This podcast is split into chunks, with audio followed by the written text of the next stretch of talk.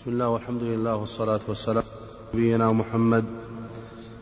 قال الإمام مسلم رحمه الله تعالى حدثنا عمرو الناقد قال حدثنا سفيان بن عيينة عن أبي الزناد عن, الأعرج عن أبي هريرة رضي الله عنه عن النبي صلى الله عليه وسلم. حدثنا قال عمرو وحدثنا سفيان بن عيينة قال وقال ابن جريج عن الحسن بن مسلم عن طاووس عن أبي هريرة رضي الله عنه عن النبي صلى الله عليه وسلم قال مثل المنفق والمتصدق كمثل رجل عليه جبتان أو جنتان أو جنتان من لدن ثديهما إلى تراقيهما فإذا أراد المنفق وقال الآخر فإذا أراد المتصدق أن يتصدق سبقت عليه أو مرت عليه وإذا أراد البخيل أن ينفق قلصت عليه وأخذت كل حلقة موضعها حتى تجن بنانه وتعفو أثره. قال فقال أبو هريرة رضي الله عنه فقال يوسعها فلا تتسع. حدثني سليمان بن عبيد الله أبو أيوب الغيلاني. بسم الله الرحمن الرحيم. الحمد لله رب العالمين. صلى الله وسلم وبارك على عبد الله ورسوله محمد وعلى آله وصحبه أجمعين. أما بعد فهذا الحديث فيه النبي صلى الله عليه وسلم ضرب المثل للمنفق والبخيل والأمثال ينتقل فيها الذهن من المثل من المعنى المحسوس إلى المعنى المعقول. قال الله تعالى وتلك الأمثال نضربها للناس وما يعقلها إلا العالمون. والأمثال لها فوائد عظيمة. تؤثر وتفيد تؤثر في السامع. تقنعه وينتقل بها إلى منها إلى الأمر المعنوي. وهذا الحديث وقع فيه أوهام من بعض الرواة كما قال القاضي عياض رحمه الله. من هذه الأوهام قوله مثل المنفق والمتصدق الصواب مثل البخيل والمتصدق. مثل البخيل والمتصدق. المنفق والمتصدق واحد. هذا حصل وهم بعض الرواة. مثل المنفق والمتصدق مثل البخيل والمتصدق المتصدق هو المنفق والمنفق هو المتصدق كذلك قوله كمثل رجل عليه جبتان أو جنتان. كمثل رجل عليه جبتان أو جنتان. هذا تغيير بعض الرواة الصواب كمثل رجلين عليهما جبتان أو جنتان. رجل واحد. هذا وهم كمثل رجل عليه جبتان الصواب كمثل رجلين عليهما جبتان. جبتان لا جنتان من لدن ثديهما إلى طرقيهما وقوله وقال الآخر فإذا أراد المتصدق أن يتصدق سبغت عليه أو مرت صواب أو مدت بدل مرت. فإذا أراد المتصدق أن يتصدق سبقت عليه أو مدت.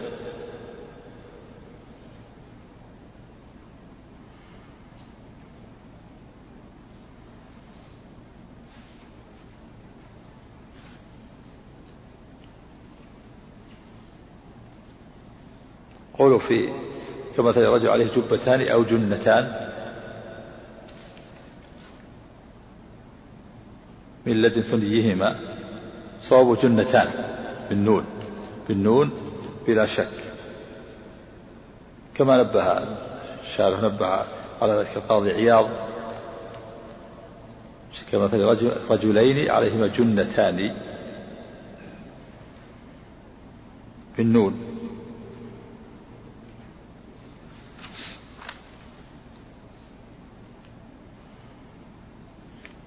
نعم. نعم. صحيح جنتان أو جنتان. نعم. كما في الحديث الآخر بالنون. كما الحديث الثاني اللي بعده جنتان. بالنون بلا شك. نعم. حدثني سليمان بن عبيد الله أبو أيوب الغيلاني قال حدثنا أبو عامر. والجنة الجنة والجنة الدرع. يعني جنة ثانية درعان الجنة هي الدرع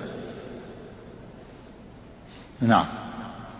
حدثني سليمان بن عبيد الله أبو أيوب الغيلاني قال حدثنا أبو عامر يعني العقدي قال حدثنا إبراهيم بن نافع عن الحسن بن مسلم عن طاووس عن أبي هريرة رضي الله عنه قال ضرب رسول الله صلى الله عليه وسلم مثل البخيل مثل البخيل والمتصدق. هذا مثل البخيل والمتصدق. هذا فسر سابقا مثل المنفق والمتصدق. هذا التصوير من هنا. نعم. كمثل رجلين عليهما جنتان من حديد. نعم جنتان. هنا هناك جنتان أو جبتان. هذا التصوير جنتان.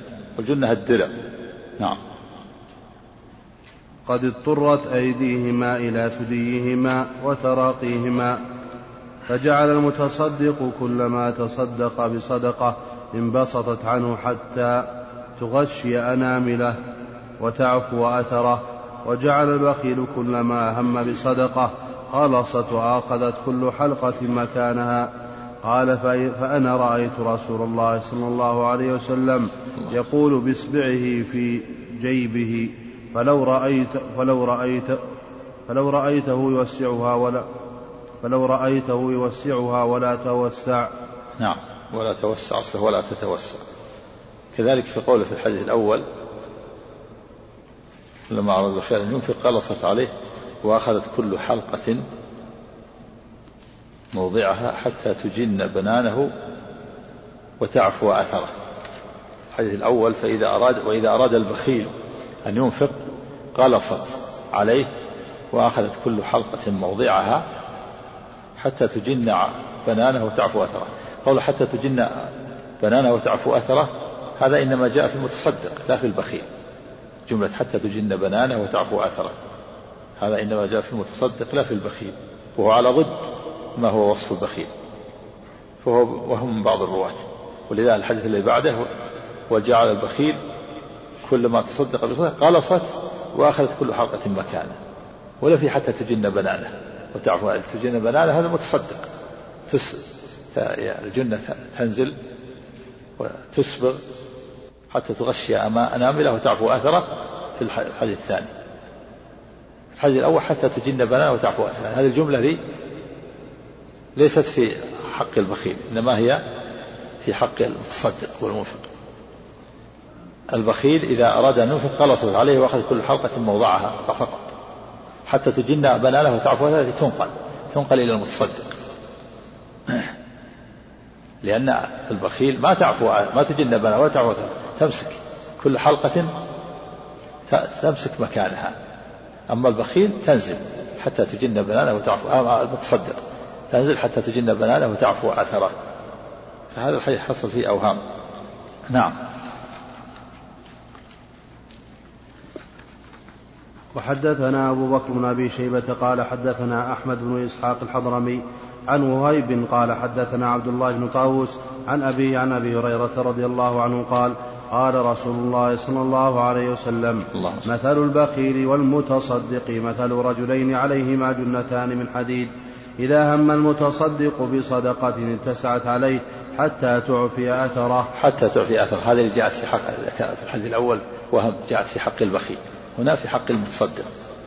وقال مثل البخيل والمتصدق. قال مثل جنتان ولا في جبتان. نعم. حتى إذا هم المتصدق بصدقة اتسعت عليه حتى تعفي أثره وإذا هم البخيل بصدقة حتى تعفي أثره. حتى تعفي أثره. عندك؟ التشديد نعم. حتى تعفي أثره. وإذا هم البخيل بصدقة تقلصت عليه وانضمت يداه إلى تراقيه وانقبضت كل حلقة إلى صاحبتها. قال فسمعت رسول الله صلى الله عليه وسلم يقول فيجهد أن يوسعها فلا يستطيع. نعم هذا مثل واضح للبخيل والمتصدق.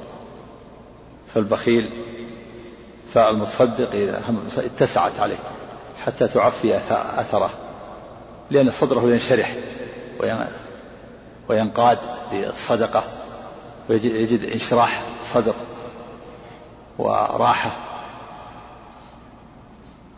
حتى إنه حتى إن كأن كأنه هو الآخر. حتى بعض المنفقين والمصدقين ما يستريح حتى ينفق حتى تؤخذ منه. فإذا صدق وجد طمأنينة وجد راحة. وجد لذة. والبخيل والعياذ بالله إذا أراد ينفق حصل له انقباض وضيق الصدر. وكأنه مأخوذ منه شيء لا يستطيع رده بسبب ضيق صدره وعدم انشراح صدره. ولهذا ضرب له النبي صلى الله عليه وسلم بال بالجنة التي تقلصت عليه جبة وانضمت يداه إلى تراقيه إلى إلى رقبته والعياذ بالله كأنه مغلول. ولا تجعل لك مغلولة إلى عنقك. حتى الزكاة قال شيخنا سماحة الشيخ بن باز رحمة الله عليه يقول أخبرنا ثقة في زمانه منذ سنوات أن بخيلا أراد أن يخرج زكاته. زكاة ماله وزكاة فعجز. كلما أراد أن يخرجها أمسكها. ما استطاع فصاح حتى جاءه الناس. قالوا له مالك قال هذه زكاة خذوها عني خذوها وزعوها على الفقراء. قد عجزت عن إخراجها فأخذوها ووزعوها. كلما أراد أن يخرج ما استطاع ردها. كلما أراد أن يخرج لكنه غلب نفسه في الأخير وصاح اجتمع الناس عليه.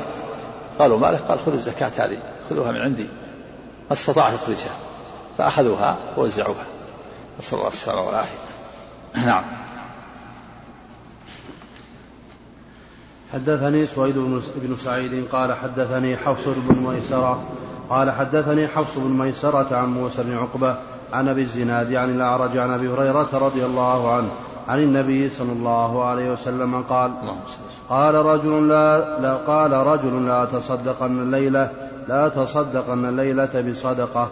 فخرج بصدقته فوضع في يد زانية فأصبحوا يتحدثون تصدق الليلة على زانية تصدق الليلة على زانية ليلة.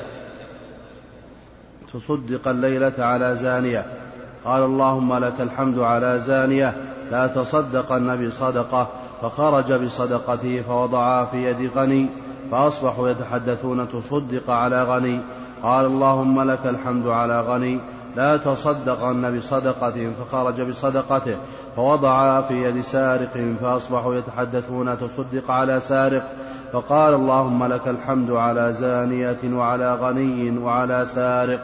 فأتي فقيل له أما صدقتك فقد قبلت أما الزانية فلعلها تستعف بها عن زناها ولعل الغني يعتبر فينفق مما أعطاه الله ولعل السارق يستعف بها عن سرقته. نعم هذا الحديث فيه أن من اجتهد وتحرى في وضع الصدقة في مستحقها فأخطأ في اجتهاده أن صدقته مقبولة مع الإخلاص. لقوله في الحديث فأتي فقيل له أما صدقتك فقد قبلت. فإذا تحرى واجتهد ووضعها في من يغلب على ظنه أنه أهل لها فإن صدقته مقبولة مع الإخلاص. والصواب أنها تجزي ولو كانت زكاة. خلافا للنووي. النووي يقول أما الزكاة فلا يجزي دفعها إلى الغني. لأنه أدى ما عليه ولا يكلف الله نفسا إلا وسعها. المطلوب من الإنسان أن يتحرى ويعمل بغلبة الظن. فإذا غلب على ظنه أنه أهل لها ثم أعطاه فقد برئت ذمته. لكن إذا كان ليس عنده غلبة الظن. يغلب على ظنه ليس أهل لها. لا تجزي. لابد. يسأل. يتحرى. نعم. حدثنا أبو بكر بن أبي شيبة وأبو عامر الأشعري وابن نمير وأبو كريب كلهم عن أبي سامة قال أما هؤلاء الذين وضعت في أيديهم الغني والزاني والسارق كما كما جاء في الحديث. هذه من الحكم. لعل كل منهم كل منهم يعتبر. الزاني لعله تستعف عن زناها والسارق لعله تستعف عن سرقته والغني لعله يعتبر فينفق مما أعطاه الله. نعم. حدثنا أبو بكر بن أبي شيبة وأبو عامر الأشعري وابن نمير وأبو كريب كلهم عن أبي أسامة. قال أبو عامر حدثنا أبو أسامة قال حدثنا يزيد عن جده عن جده أبي بردة عن أبي موسى رضي الله عنه عن النبي صلى الله عليه وسلم قال إن الخازن المسلم إن الخازن المسلم الأمين الذي ينفذ وربما قال يعطي يعطي ما أمر به فيعطيه كاملا موفرا طيبة به نفسه فيدفعه إلى الذي أمر له به أحد المتصدقين. نعم يقال أحد المتصدقين بالتثنية وروي أحد المتصدقين بالجمع. أحد المتصدقين يعني المتصدق الأول صاحب المال والثاني الخازن أو أحد المصدقين يعني واحد من المتصدقين. وقوله موفرا تأكيد لقوله كاملا أن يعطيه كاملا موفرا. وقوله طيبة بها نفسه يعني يعطيه من غير أذى ولا مماطلة. لأن الخازن مثل مثل الأمين. مثل الوكيل الذي يوكله الإنسان في على حوائجه فإذا أمر له قال أعطي فلان كذا بعض الناس يؤذي ويماطل ولا ينفذ. رب المال يأمر بأن يعطيه ويماطل ويؤذي. ينبغي له أن يبادر نفذ أمر صاحب المال ورب المال. الوكيل هذا سواء كان وكيل خادم أو أو وزير له. يحول عليه يحول الناس عليه. بعض الناس ما ينفذ يآذي ويماطل فإذا دفع ما أمره به موكله موفرا كاملا ولم ينتقص منه شيء طيبة بنفسه صار له أجر المتصدق أحد المتصدقين أو المتصدقين. يعني كل منهما متصدق أجره كامل. لا ينقص أحدهم من أجل الآخر شيء. فرب المال متصدق والخازن الوكيل الذي ينفذ ويعطي متصدق. كل منهم له أجره. نعم. وإن كان الأجر متفاوتا كل منهم له أجر نعم.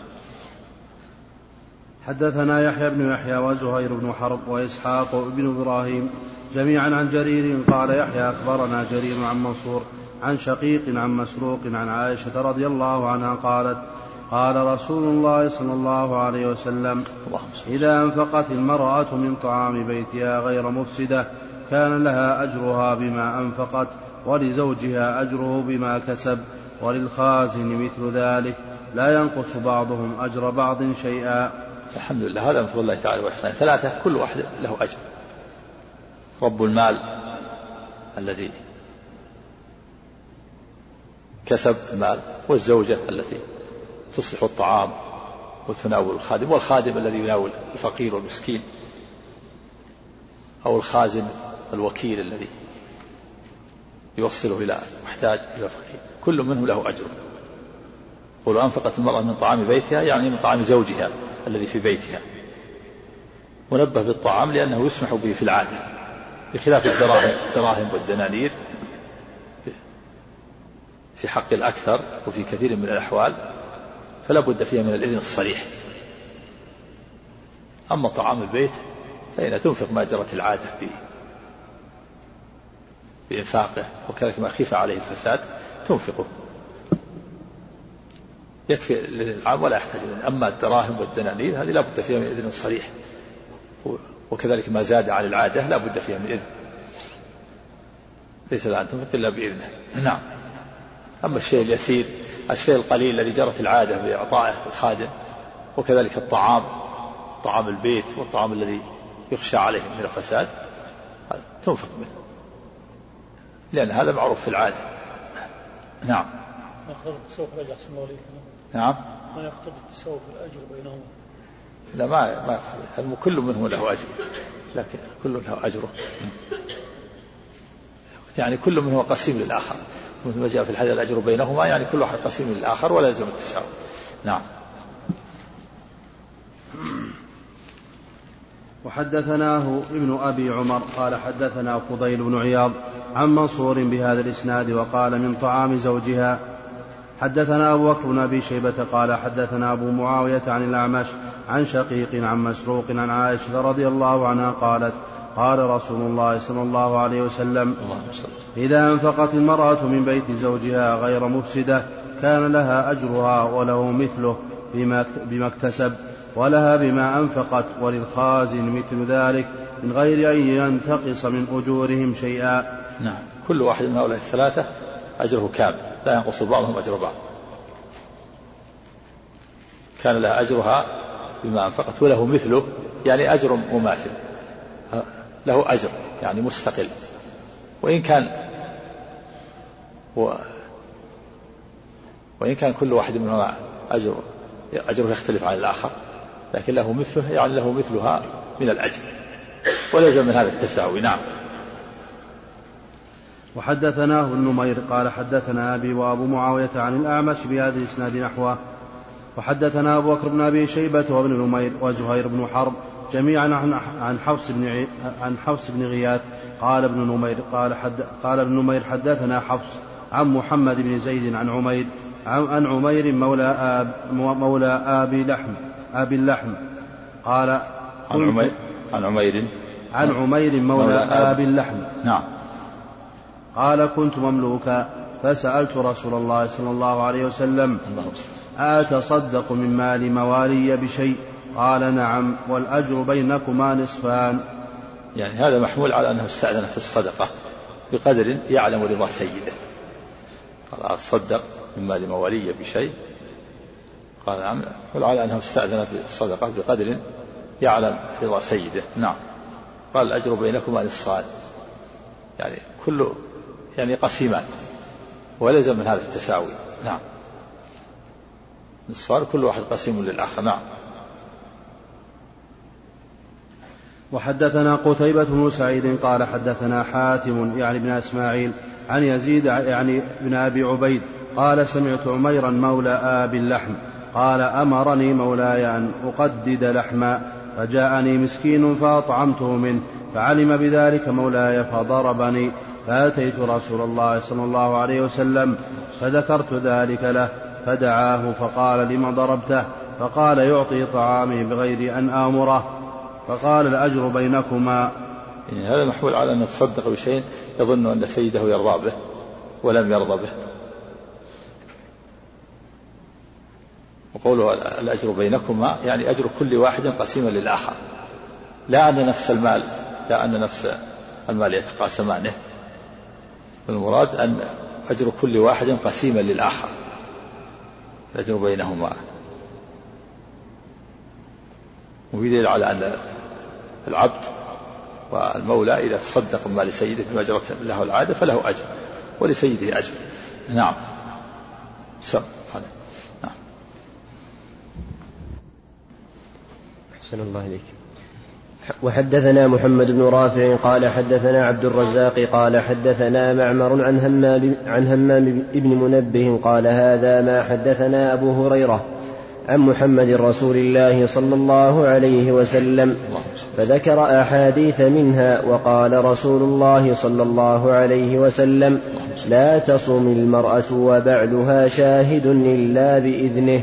ولا ولا تأذن في بيته وهو شاهد إلا بإذنه وما أنفقت من كسبه من غير أمره فإن نصف أجره له. وقول لا, لا تصم المرأة وزوجها الشاهد يعني الحاضر غير مسافر. فإن كان مسافرا فلها الصوم والمراد صوم التطوع أو صوم الواجب الذي على التراخي.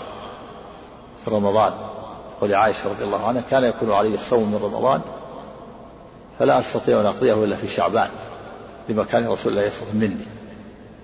إذا كان حاضر فليس لها أن تصوم إلا بإذنه لأن له حق الاستمتاع. والصوم يمنعه من الاستمتاع.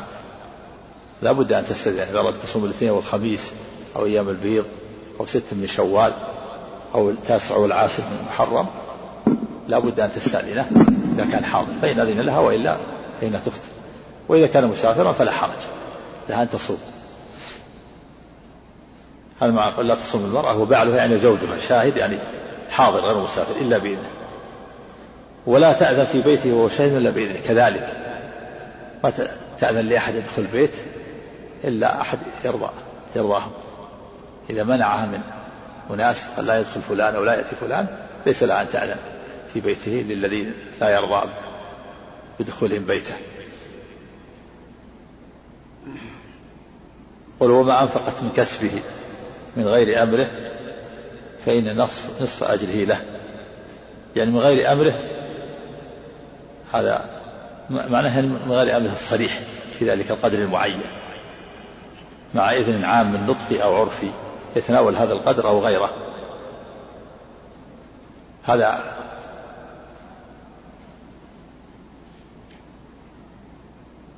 تأويل النووي رحمه الله. هذا من غير من غير أمره يعني إن لم يكن يعني وهم من بعض الرواة فهذا معناه معناه من غير أمره الصريح في ذلك القدر المعين. مع إذن عام نطقي أو عرفي يتناول هذا القدر وغيره. إذا كان هناك أذن عام نطقي أو عرفي يتناول هذا القدر وغيره. وليس هناك أذن صريح يتناول هذا هذا المقدار. فإن نصف أجره له. نعم.